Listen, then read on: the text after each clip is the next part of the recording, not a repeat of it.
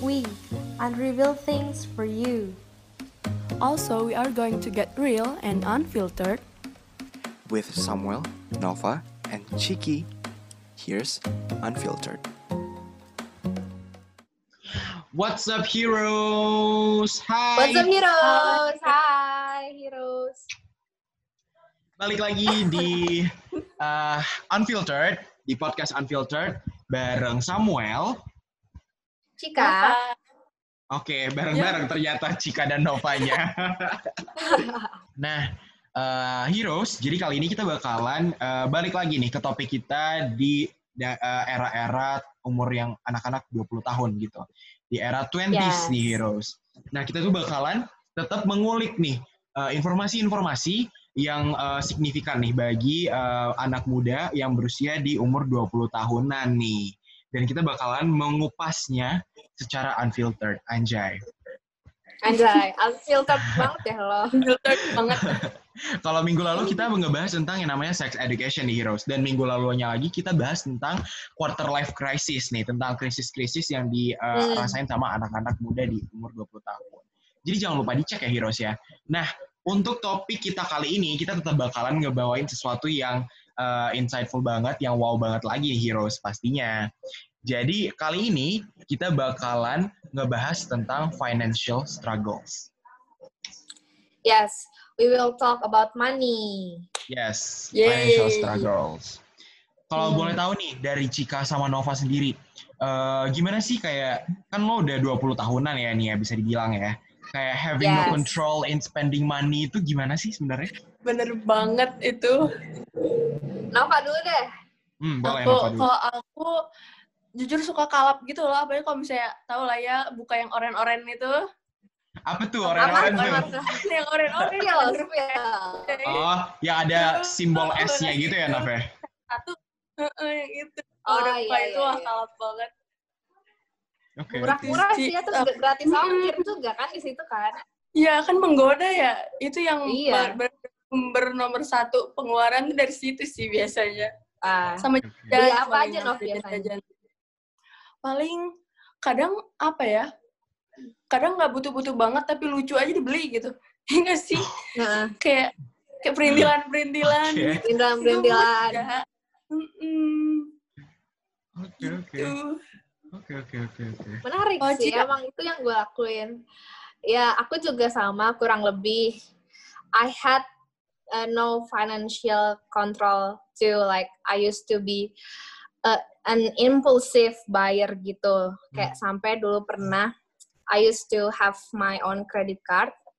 I spend sampai kayak belasan dan puluhan juta gitu. And then my dad Oh.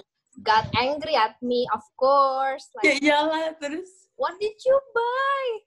Kayak pas Jatuhnya beli apa aja? ke- Beli dulu tuh pas gua spend itu aku beli eh, pakaian kayak untuk aku Hmm. traveling, terus untuk jalan-jalan, pokoknya mostly sih baju-baju Oh. dan makanan juga like I spend uh, a thousand eh salah a hundred thousand rupiah on foods gitu loh. Terus aku kayak foya-foya lah, Foya-foya. sosokan trak orang-orang untuk menyenangkan orang-orang seperti itu. Waduh. Jadi kayak aku dulu head on sekali guys, tapi sekarang sudah tidak. Itu. Kalau Hmm. Sam gimana Sam? Iya sih. Pernah nggak lo boros? Kalau gue sih lebih ke apa ya?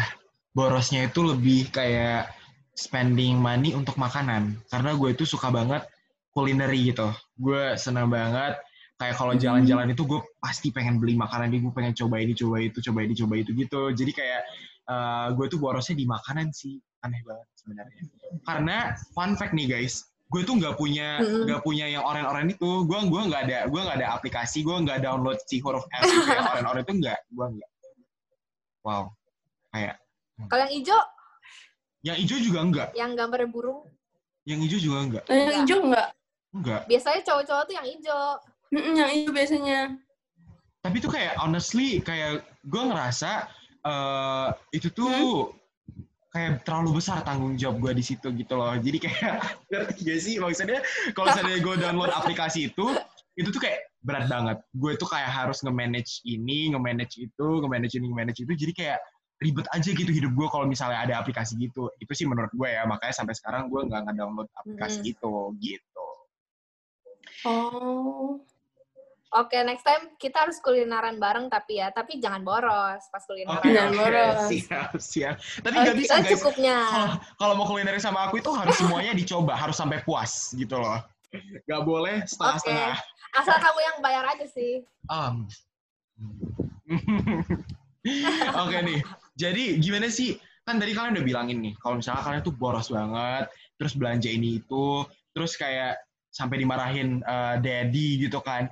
Gimana sih kalau menurut dari Iya. Cika sama Nova sendiri, versi kalian sendiri, eh, cara mengatur keuangan itu gimana sih? Lagi. Jadi guys, sebenarnya em, kalau yang aku banyak belajar dari seorang financial planner namanya, itu bilang kenapa milenial banyak banget spend money walaupun mereka mereka itu punya pendapatan. Kenapa mereka lifestyle-nya itu tinggi banget gitu, kayak gengsian kalau Mm. misalnya li- lifestyle lo nggak di-upgrade gitu.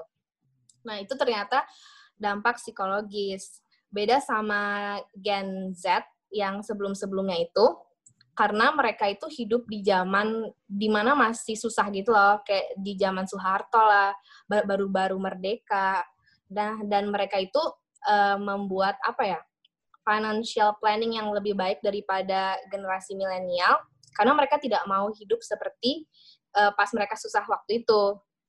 Nah, bedanya kalau milenial itu tidak pernah merasakan susah. Hidup Hmm. di era-era krisis banget ya ini. Yes, privilege Bener. banget. Kayak udah langsung hidup anak itu, makanya kita eh, tidak eh, apa ya, membuat financial planning yang benar-benar bagus untuk ke depannya. Nah, caranya nih, kalau kata Prita itu, jadi kayak kita itu bisa mencatat. Nah, ini juga hal yang aku lakuin setiap hari. Aku disiplin mencatat pengeluaran aku, terutama yang besar-besar. Kayak misalnya, hari ini aku ke PVJ nih, aku beli apa aja, beli makan misalnya 59 ribu, atau beli eh, boba, tea, gitu-gitu. Pokoknya semuanya aku, catat, sampai parkir pun aku, aku catat, dan aku beli bensin pun dicatat gitu. Nah, hal itu tuh fungsinya, selain untuk mengingatkan kita biar nggak lupa eh, soal, eh, kan lu sering denger kan kayak, loh kok tiba-tiba duit gue habis sendiri sih? Hmm, Iya, iya. Sering. Gue Nah, sering banget, sering banget gue ngerasa itu serius. Sering. Loh kok gue kayak Padahal hari, hari kedua sih? udah habis nih. Iya, tuh kan hari hari ke-15 di suatu bulan udah habis. Padahal lo masih hidup 15 hari ke depannya lagi. Nah, itu tuh dengan mencatat kita bisa mengontrol pengeluaran kita step by step itu. Misalnya bulan ini kita habisnya sampai misalnya 2, 2 juta nih. Padahal kita bia- biasa jajan cuma sejuta. Nah, eh, dari catatan itu kita bisa belajar, oh eh, next month aku akan spend untuk satu juta aja, jangan sampai aku spend 2 juta lagi gitu loh. Itu sih dari Hmm. aku. Jadi mencatat guys. Wow. Kalau dari Nova gimana? Oke. Kalau aku bikin dua rekening. Jadi satu, aku bikin rekening yang banknya maksudnya sering dicari gitu ya, maksudnya yang ATM-nya banyak. Itu yang utama. Terus satu lagi, buat nyimpen aku pakai bank yang ATM-nya dikit. Ngerti nggak sih? Yang jarang di yang jarang ada Oh di iya iya. Jadi Heeh. kalau misalnya ada ngerti, transferan, sama aku langsung dibagi. Ngerti nggak? Oh. Oke, oke. Gitu. Jadi kamu kayak Di- dibagi. di, dibagi gitu ya? Mm-mm, dibagi, dibagi dua rekening. Yang satu buat nabung, yang satu kayak buat jajan-jajannya. Betul, Oke, betul. itu itu juga bisa sih guys. Mm-mm. Mau nanya, mau Karena nanya. Kalian Gimana, Apa? Mau gimana? nanya. Jadi kalau seandainya lo ada dua rekening kayak gitu, eh, kalau seandainya nih yang di rekening eh, jajan lo itu udah habis uangnya, terus lo ada ini gak sih urge gitu, maksudnya kayak eh, hasutan gitu untuk Ada, mengambil itu ada. uang dari tabungan yang lainnya gitu. itu itu pasti ada. Tapi kayak ditahan-tahan itu kayak yaudah 50 dulu aja kayak gitu. Tapi nggak langsung yang over semua. Karena beda rasanya. Kalau misalnya semua ditaruh di tabungan utama kan ngerasa kayak oh masih banyak nih. Kan kemarin masih ada kayak gitu. Kalau ini kayak pas lihat lagi oh tinggal dikit. Jadi ada rasa-rasa. Meskipun kadang hilaf juga sih. Oke. tapi ya lumayan. Nah, hilafnya itu ya. Hilafnya gitu. Wow. sama itu sih kata ada eh, sebuah apa ya kayak financial planner platform gitu, LifePal yang kemarin kita bahas. Nah, dia tuh bilang kalau misalnya pengeluaran tuh harus kita bagi. Jadi 50, 30, sama 20. 50-nya buat kebutuhan sehari-hari, terus 30-nya buat investasi, eh sorry sorry, 30 buat dana hiburan, 20 buat investasi gitu katanya. Jadi yang 20 ditabung, 30 buat foya-foya gitu. Wah, ada Katanya dana gitu. foya-foya juga ya ternyata Oh. guys. Iya, ada. Sebenarnya kayak foya-foya tuh boleh, boleh. tapi jangan sering-sering. Hmm, betul. Oke, oke. Oke. Keren, keren, keren. 50, 30, 20. Kalau dari gue sendiri sih, Betul. eh susah ya, agak lumayan susah ngikutin caranya Ciki yang bilangin harus mencatat, terus eh, dari Nova juga yang juga harus membagi-bagi gitu. Itu tuh kayak hmm, Mm-mm. sebenarnya itu sangat-sangat efektif dan sangat-sangat bagus. Tapi kayak komitmennya dan niatnya untuk mencatat dan membagi-bagi itu tuh susah gitu guys. Jadi kayak eh, gue tuh malah keseringan jadinya kayak berpikir gitu. Eh, dalam satu bulan, eh, gue pokoknya harus cuman menghabiskan misalnya 2 juta gitu. Dalam satu bulan, eh, ini tuh fix harus 2 juta. Terus nanti bulan depannya, Mm-mm. eh, ketika lo udah berusaha keras, ketika lo udah bekerja keras, misalnya di perkuliahan lo atau di mana-mana, lo bisa ngabisin 3 juta bulan depan. Gitu sih. Gue kayak Oh, nge-reward diri gue sendiri. Iya, gue kayak gitu. Seringnya sih gitu ya. Oh, oke. Seringnya gitu. Jadi kayak Hmm. eh, gue tuh mengusahakan misalnya nih, eh, di bu- misalnya gue enam bulan nih kan, gue enam bulan eh, ngekos nih. Jadi di bulan pertama sama kedua, gue ngabisin 3 juta juta masing-masing. Terus di bulan ketiga sama keempatnya gue ngerasa nih, wah gue tuh kemarin udah foya-foya banget. Kayaknya sekarang saatnya gue tuh untuk bekerja deh. Jadi gue harus fix ha, bulan 3 sama bulan 4, Oh. gue harus 2 juta aja gitu. Nah, setelah di bulan 3 sama bulan 4 itu emang Hmm. gue udah kerja banget, gue bisa sampai over sih sebenarnya di bulan depannya gue kayak, oke gue bulan ini bakalan ngabisin 4 juta untuk kesenangan diri gue sendiri. Wow. Wow. Jadi kayak That's di program gitu sih guys. Iya, iya, itu kayak di program gitu ya. sih menurut gue. Nah, Hmm. berarti kan setiap orang itu memiliki caranya sendiri kan untuk hemat uang. Nah, kalau Heroes gimana? Ntar bo- boleh banget ya komen-komen, share-share sama kita semua. Komen di bawah. Komen below. Abis itu, tadi kan kita udah ngomong-ngomong nih ya, kata Nova itu ada yang 50, 30, sama 20. Nah, 20-nya itu investasi, Heroes. Sebenarnya, kalau misalnya kita ngomongin tentang in- investasi itu, is it too early for us to invest our money gitu? Menurut kalian gimana sih? Jujur, soalnya gue sendiri eh, nggak nggak tahu tuh, gue bingung banget hal-hal yang berbau investasi itu gue bingung, gue nggak ngerti sama sekali. Karena itu kayak ribet gak sih? Kayak di bank investasi ini, investasi itu, terus kayak banyak-banyak jenis investasinya gitu, lain-lain Hmm. gitu. Agak membingungkan sih sebenarnya. Bingung juga ya kalau orang itu caranya bagus lah, maksudnya apalagi kalau dimulai sedini mungkin, lama-lama kan menggunung tuh dana-dana yang kita yang kita tabung katanya sih oke buat simpanan nanti-nanti gitu. Tapi nggak tahu nih kata kalian gimana? Kalau kalau investasi yang secara har- harfiah ya, harfiah ya. Apa sih? Lupa. itu dia pokoknya secara literal. Itu investasi Hmm. artinya apa sih? Jadi investasi itu adalah kayak kalian nih heroes, kalian menanam modal, menanam sejumlah uang atau aset-aset lain kepada suatu perusahaan atau suatu pihak yang memang meng- memanajerial investasi-investasi gitu. Nah, investasi pun banyak banget macamnya nih. Kayak bentar ya, gue nyontek dulu ke catatan. Kenapa? Oke, Lupa boleh. Panjang. Oke, salah-salah. Yang harus disampaikan tuh yang pertama tujuan investasi dulu nih, Heroes. Nah, biasanya orang-orang investasi itu eh, memiliki tujuan yang berbeda. Nah, kayak, kayak contohnya untuk mengumpulkan dana pensiun pas kalian udah tua, terus untuk eh, biaya pernikahan, lalu untuk mendapatkan keuntungan yang berlipat di masa depannya dengan kalian menanamkan modal di suatu perusahaan atau instansi.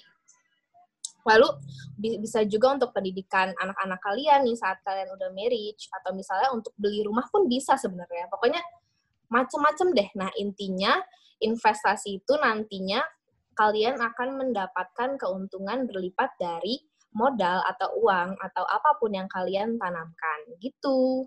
Oh gitu. Thank you, Wow. Ciki. The more you know. Makasih banyak loh definisinya itu kayak gue baru tahu banget. Berarti pada intinya tuh eh, ketika kita menginvestasi eh, kita itu kayak menabung tapi nanti kayak ada bunganya gitu di akhirnya ya. Jadi kayak kita bisa mendapatkan yang lebih dari yang kita tabung gitu. Yes. Nah, Wow. nah kalau yang dikatain Samuel tadi itu namanya deposito. Itu salah satu bentuk Oh. investasi gitu. Jadi kalau nih, aku bahas ya bentuk-bentuk investasi yang aku tahu tuh ada lima nih. Yang Kayak pertama apa yang tadi yang Sam sebutin, ada deposito. Jadi di mana Heroes itu bisa nyimpen sejumlah uang di bank yang Heroes itu nggak bisa ambil secara kayak yang eh, sesuai yang Heroes mau gitu loh. Ada jangka kan? Ada jangka waktu. Iya benar. Ada periode penyimpanan dan pengambilan. Misalnya nih, aku buka deposito untuk diambil tiga bulan kemudian. Nah, eh, jadi di bank itu dia tidak membolehkan kamu untuk mendapatkan akses untuk mengambil uang itu sampai tiga bulan kemudian sejak kamu menanam deposito, ya gitu. Nah, yang kedua nih Heroes ada yang namanya emas. Nah, lo lo juga bisa Oke. beli emas gitu lah untuk investasi ternyata karena emas itu liquid jadi dia itu bisa eh, Heroes jual beli kapan kapan pun dan harganya pun bisa naik atau turun sesuai Ya, persenan ya, ya. Benar, yang benar. ada kayak kamu tuh bisa beli emas antam gitu loh kayak misalnya Mhm. tujuh ratus ribu juga udah dapat satu gram sebenarnya dan itu bisa buat investasi bisa buat simpenan kamu di masa-masa sulit kayak misalnya nih lagi krisis moneter ya amit-amit ya jangan sampai harga-harga naik nih nah kamu bisa jual emas kamu Jual emasnya gitu. misalnya iya Oh, iya. untuk beli kebutuhan sehari-hari gitu misalnya. Kalau misalnya emas dan deposito itu dia em, keuntungan itu dikit nih.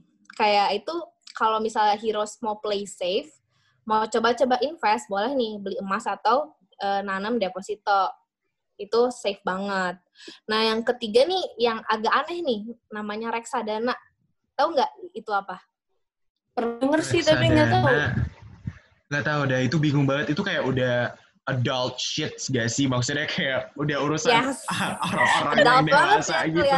Kayak bingung banget. Tapi sebenarnya Heroes juga kalau mau reksadana bisa banget nih. Jadi Hmm. misalnya Heroes eh, menanamkan modal kayak misal misalnya beli surat gitu di suatu perusahaan, nanti lo nggak nggak usah khawatir kayak nggak akan keurus nih investasi gue kayak atau aku misalnya males ngurus investasiku sendiri.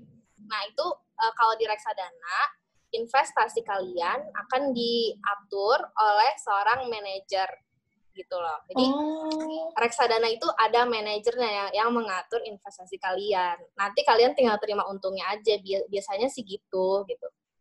Jadi gampang juga sih sebenarnya. Terus ya manajernya, manajernya ini terpercaya gitu, Cik.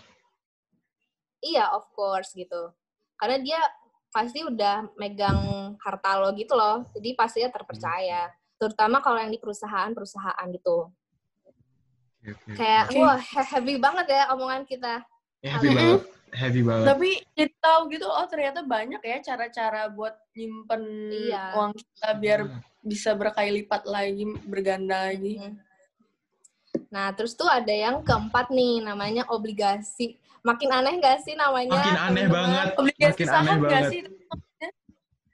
Obligasi Makin sama saham banget. tuh dua hal yang berbeda ternyata. Oh, beda. Kalau obligasi nih, kalian beli surat utang.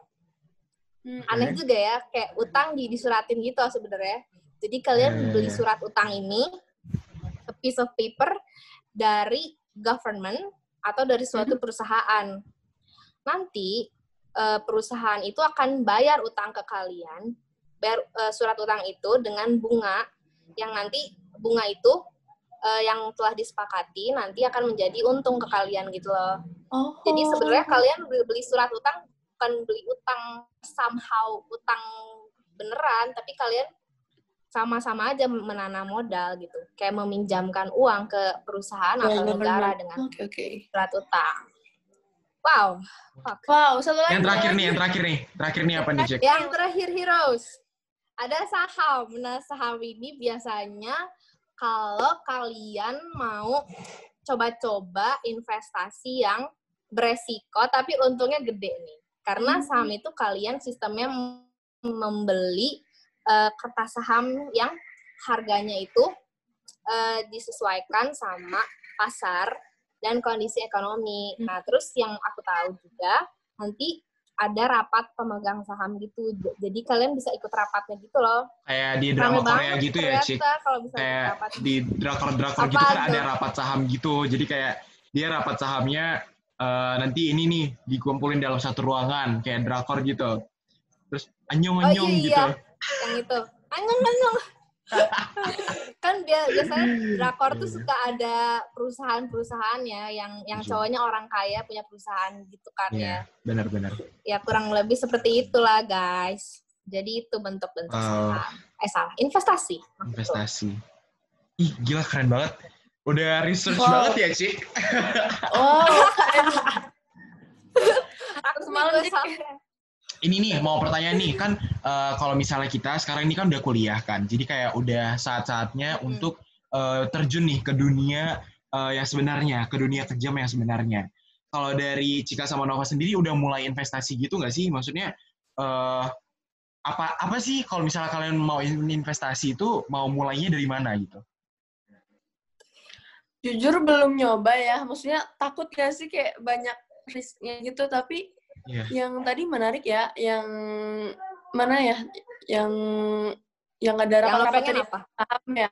Yang Oh, ya saham. saham. apa-apa itu saham lumayan sih Iya kayak orang-orang sekarang banyak yang trading trading gitu nggak sih kayak di Mm-mm, ada trading- aplikasinya terus kayak trading trading gitu keren banget sih ya Heroes ternyata Kalau kalau misalnya lagi kursnya lagi oke, jual gitu-gitu Hmm. kayaknya rame ya. yes betul banget Cika nih, lo udah mulai nggak investasi-investasi gitu, Cik? Nah, kalau aku sih sama kayak Nova, aku belum mulai, tapi I have a plan gitu loh. Jadi aku tidak berinvestasi di lima in bentuk investasi yang aku akan sebutkan tadi, yang tadi aku sebutkan, sorry. Tapi insya Allah nih aku akan investasi di KPR. Jadi KPR itu adalah salah satu program yang dibuat oleh bank ini nih, suatu bank nih Hmm. ada nih yang yang mau gue eh, investasi. Jadi aku akan beli rumah gitu. Jadi eh, aku menyiapkan rumah untuk masa depanku. Jadi kalau KPR untuk anak muda ini Hmm. di bank ini tuh ada KPR untuk untuk anak muda. Jadi kita bisa mulai beli rumah cicil dengan 900 ribu per bulan gitu. Wow. Jadi. I wanna have my own house, Iya, ya. guys. Aku Setuju. beli rumah di tempat Me too, me Jakarta too. Selatan. Ya Oke, kan? Menarik kalau loh misalnya itu kerja, banknya nanti kita ngomong di belakang ya. Bang apa Boleh, itu? boleh. Tapi itu udah rencana, Cik. Maksudnya udah pengen akan dilakukan gitu kan? Udah Iya, apply? akan dilakukan. Udah apply. Belum nih, gue Oh. masih memperhitungkan duit jajan gue Oh, cukup iya, gak ya iya. nyicil rumah 900 ribu per bulan gitu. Tapi sembilan ribu per bulan agak, aduh, gede juga ya. Iya.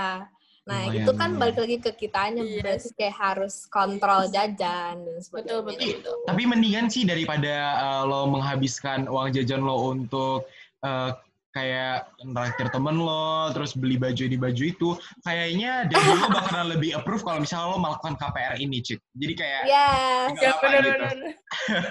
thank you banget guys. Supporting didukung. Woi keren banget, keren banget. Bahkan gue sendiri ya, gue sendiri uh, sebagai mahasiswa yang udah mau ke tingkat dua, itu kan pokoknya pokoknya gue sekarang merasa waktu itu berjalan dengan cepat banget sih, jujur ya Heroes ya. Karena Yes. itu nggak terasa aja bentar lagi gue udah harus memikirkan nih uh, pajak pekerjaan gue, terus gue harus Hmm. memikirkan pajak ini itu dan sebagainya macamnya gitu. Dan ini tuh menurut gue penting banget sih untuk kita uh, mengatur financial kita. Jadi kayak kita udah harus ada financial planning banget nih. Ya nggak sih teman-teman? Yes, bener banget. Betul, Dan betul. untuk eh, tambahan nih, kan kemarin kita di directory Heroes Di- Directory udah buat eh, namanya akun-akun untuk pengembangan diri. Nah, salah satunya adalah live poll ya. Pel atau poll? Live pel, Live live pel. pel. Pel, Nah.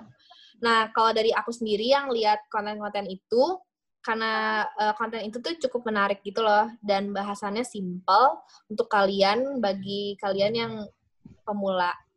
Jadi kayak manfaatkanlah Instagram guys Mm-mm. untuk cari akun-akun seperti bilang, Pel. iya cari Lanjut. cari Instagram kayak at livepel dan juga kayak Instagram live on hero gitu yang merekomendasikan Ya. eh, ini yang merekomendasikan eh, akun-akun Instagram yang kayak gini gitu heroes Iya. Boleh, boleh. keren banget sih Dan jadi podcast intinya kali ini juga bahkan Hmm. kita bahas kan tentang Yes, bener financial banget. gitu. bener banget kapan lagi sih heroes mendengarkan podcast-podcast yang kayak gini yang insightful banget yang bisa membantu kalian menghadapi kehidupan tahun 20-an ini jadi pada intinya heroes Yes. kesimpulannya dari Wow. podcast ini itu adalah ayo kita lebih aware lagi tentang financial planning kita nih supaya kita nggak keteteran di hari tua nanti gitu sih dari gua Bener banget. Hmm. jadi Ah. tuh Gram. kita tuh udah udah 20 menitan nih guys nggak terasa ya nggak terasa banget udah 20 Hmm. menitan kayaknya ini gara-gara bahasan 5 jenis investasi tadi deh makanya nggak kerasa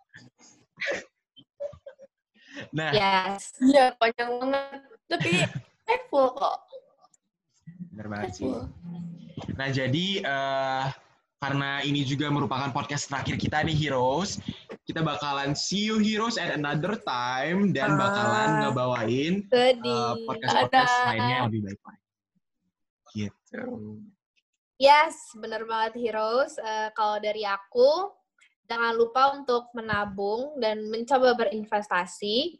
Dan kalau misalnya jajan juga dibatesin, jangan foya-foya banget. Dan jangan lupa terus ikutin konten-konten Heroes selanjutnya. Podcast-podcast kita juga jangan lupa untuk ditonton dan didengarkan. Gitu. Betul. Dari? Yeay. Dari aku seperti biasa, jangan lupa follow at live on hero di IG ya. Jangan lupa juga dengerin podcast kita yang lainnya. Yes. And Yes. thank you for listening to us. See you again another time. Bye-bye. 哎。